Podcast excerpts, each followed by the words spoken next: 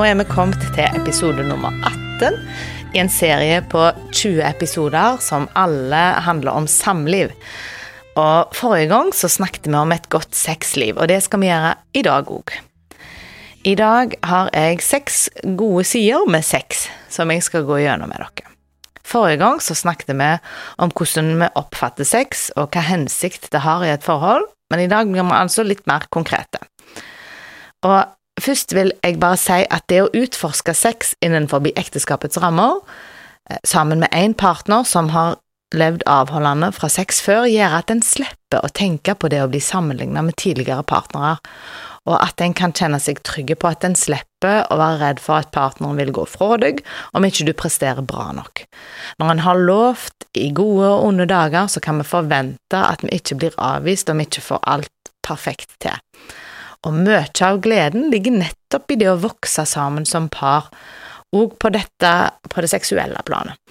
Og det å teste ut om en har kjemi sammen før en velger å forplikte seg, er altså en feilslått vurdering.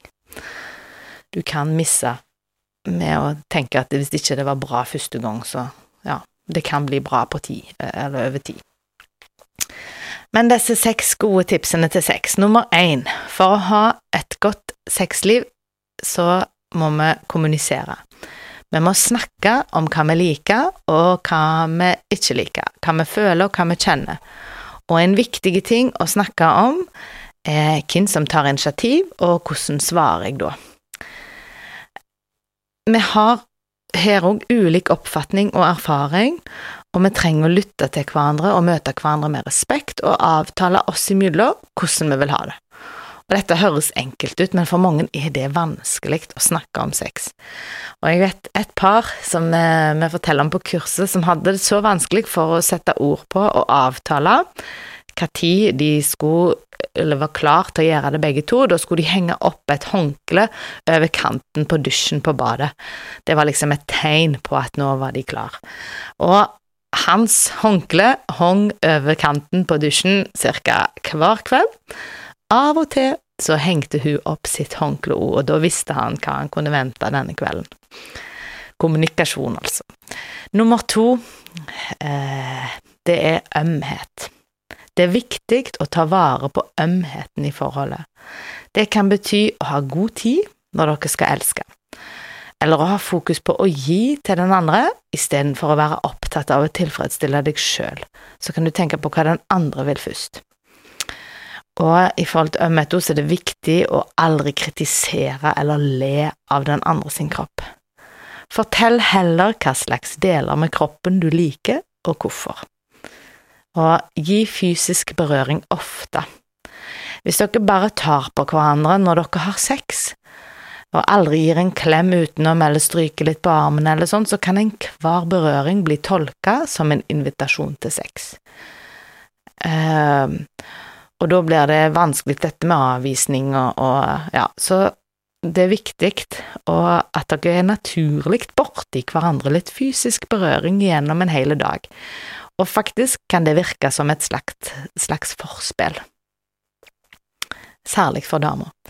Eh, det neste punktet, nummer tre, det handler om betydningen av responsen du gir. Det er særlig viktig for oss damer, fordi sex starter veldig ofte som en avgjørelse. Så kommer tenningen etterpå.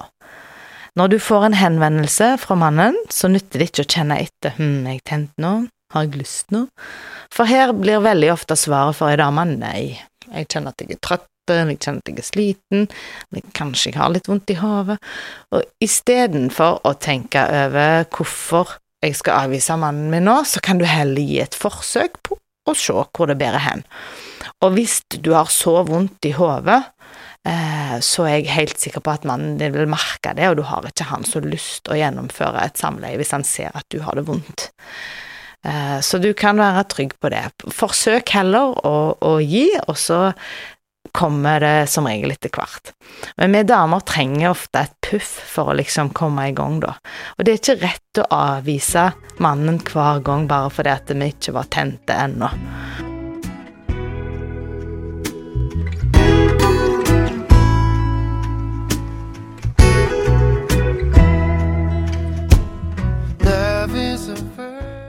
Og det å gi seg hen nakent til et annet menneske, det krever en atmosfære av hengivenhet og tillit. Punkt nummer fire, det handler om betydningen av romantikk. Romantikk skaper liksom settingen for sex. Ja, og det virker som motgift til mekanisk og rutineprega sex. Du må øve deg på å lære deg kunsten å forføre og tenne partneren din, og jeg vil oppfordre deg til å være den som tar initiativ. For kvinner så er sex ofte vevd tett i sammen med hele forholdet, så hvis det har vært negative kommentarer eller uoverensstemmelser, så er det vanskelig for ei dame å ha sex før dette er liksom kommet ut av verden. Så du som er mann som syns det er uendelig mye snakk og mye følelser du må tåle å lytte til, så skal du iallfall vite det at sannsynligheten for at det ligger sex i andre enden er mye større når du lar damer få lov å snakke ut og klarne lufta, eh, og få si alt som ligger på hjertet. Så, og så vil jeg si det òg. I stedet for å gå rundt og savne romantikk eller irritere deg over mangelen på romantikk i ditt forhold, så kan du bare ordne det sjøl. Skap stemning, du, da. Så på den måten så viser du og ektefellen din hvordan du synes det blir romantisk stemning. Og det neste punktet for å få et godt sexliv, det er betydningen av forventning. Hjernen og tankene dine er faktisk det største seksuelle organet ditt. Fortell ektefellen din om dine seksuelle tanker, gjerne med frokostbordet. Den beste elsker starter ved frokostbordet. Bruk fantasien din, men sørg for at de seksuelle fantasiene dine er retta mot ektefellen din. Og her er en liten obs. Pornografi er en fare, fordi man automatisk begynner å sammenligne og fantasere om ikke-reelle situasjoner. Um, ja, så det å fantasere om ektefellen sin er sunt og bra. Men hvis en av dere har, eller begge har utfordringer knytta til pornografi, så vil jeg oppfordre dere til å søke på heltfri.nett. Det sjette punktet som er viktig for å ha et godt sexliv, det er viktigheten av variasjon. For vaner, det gjør oss mer likegyldige.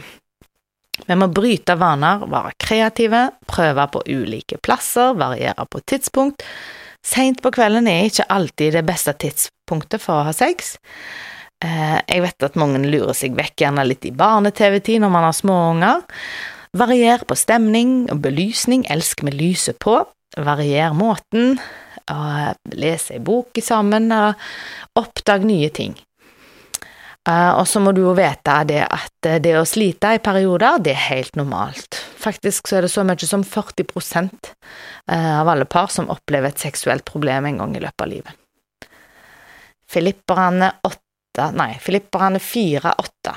Alt som er sant, edelt, rett og rent, alt som er verdt å elske og akte, alt som er til glede, alt som fortjener ros, legg vind på det.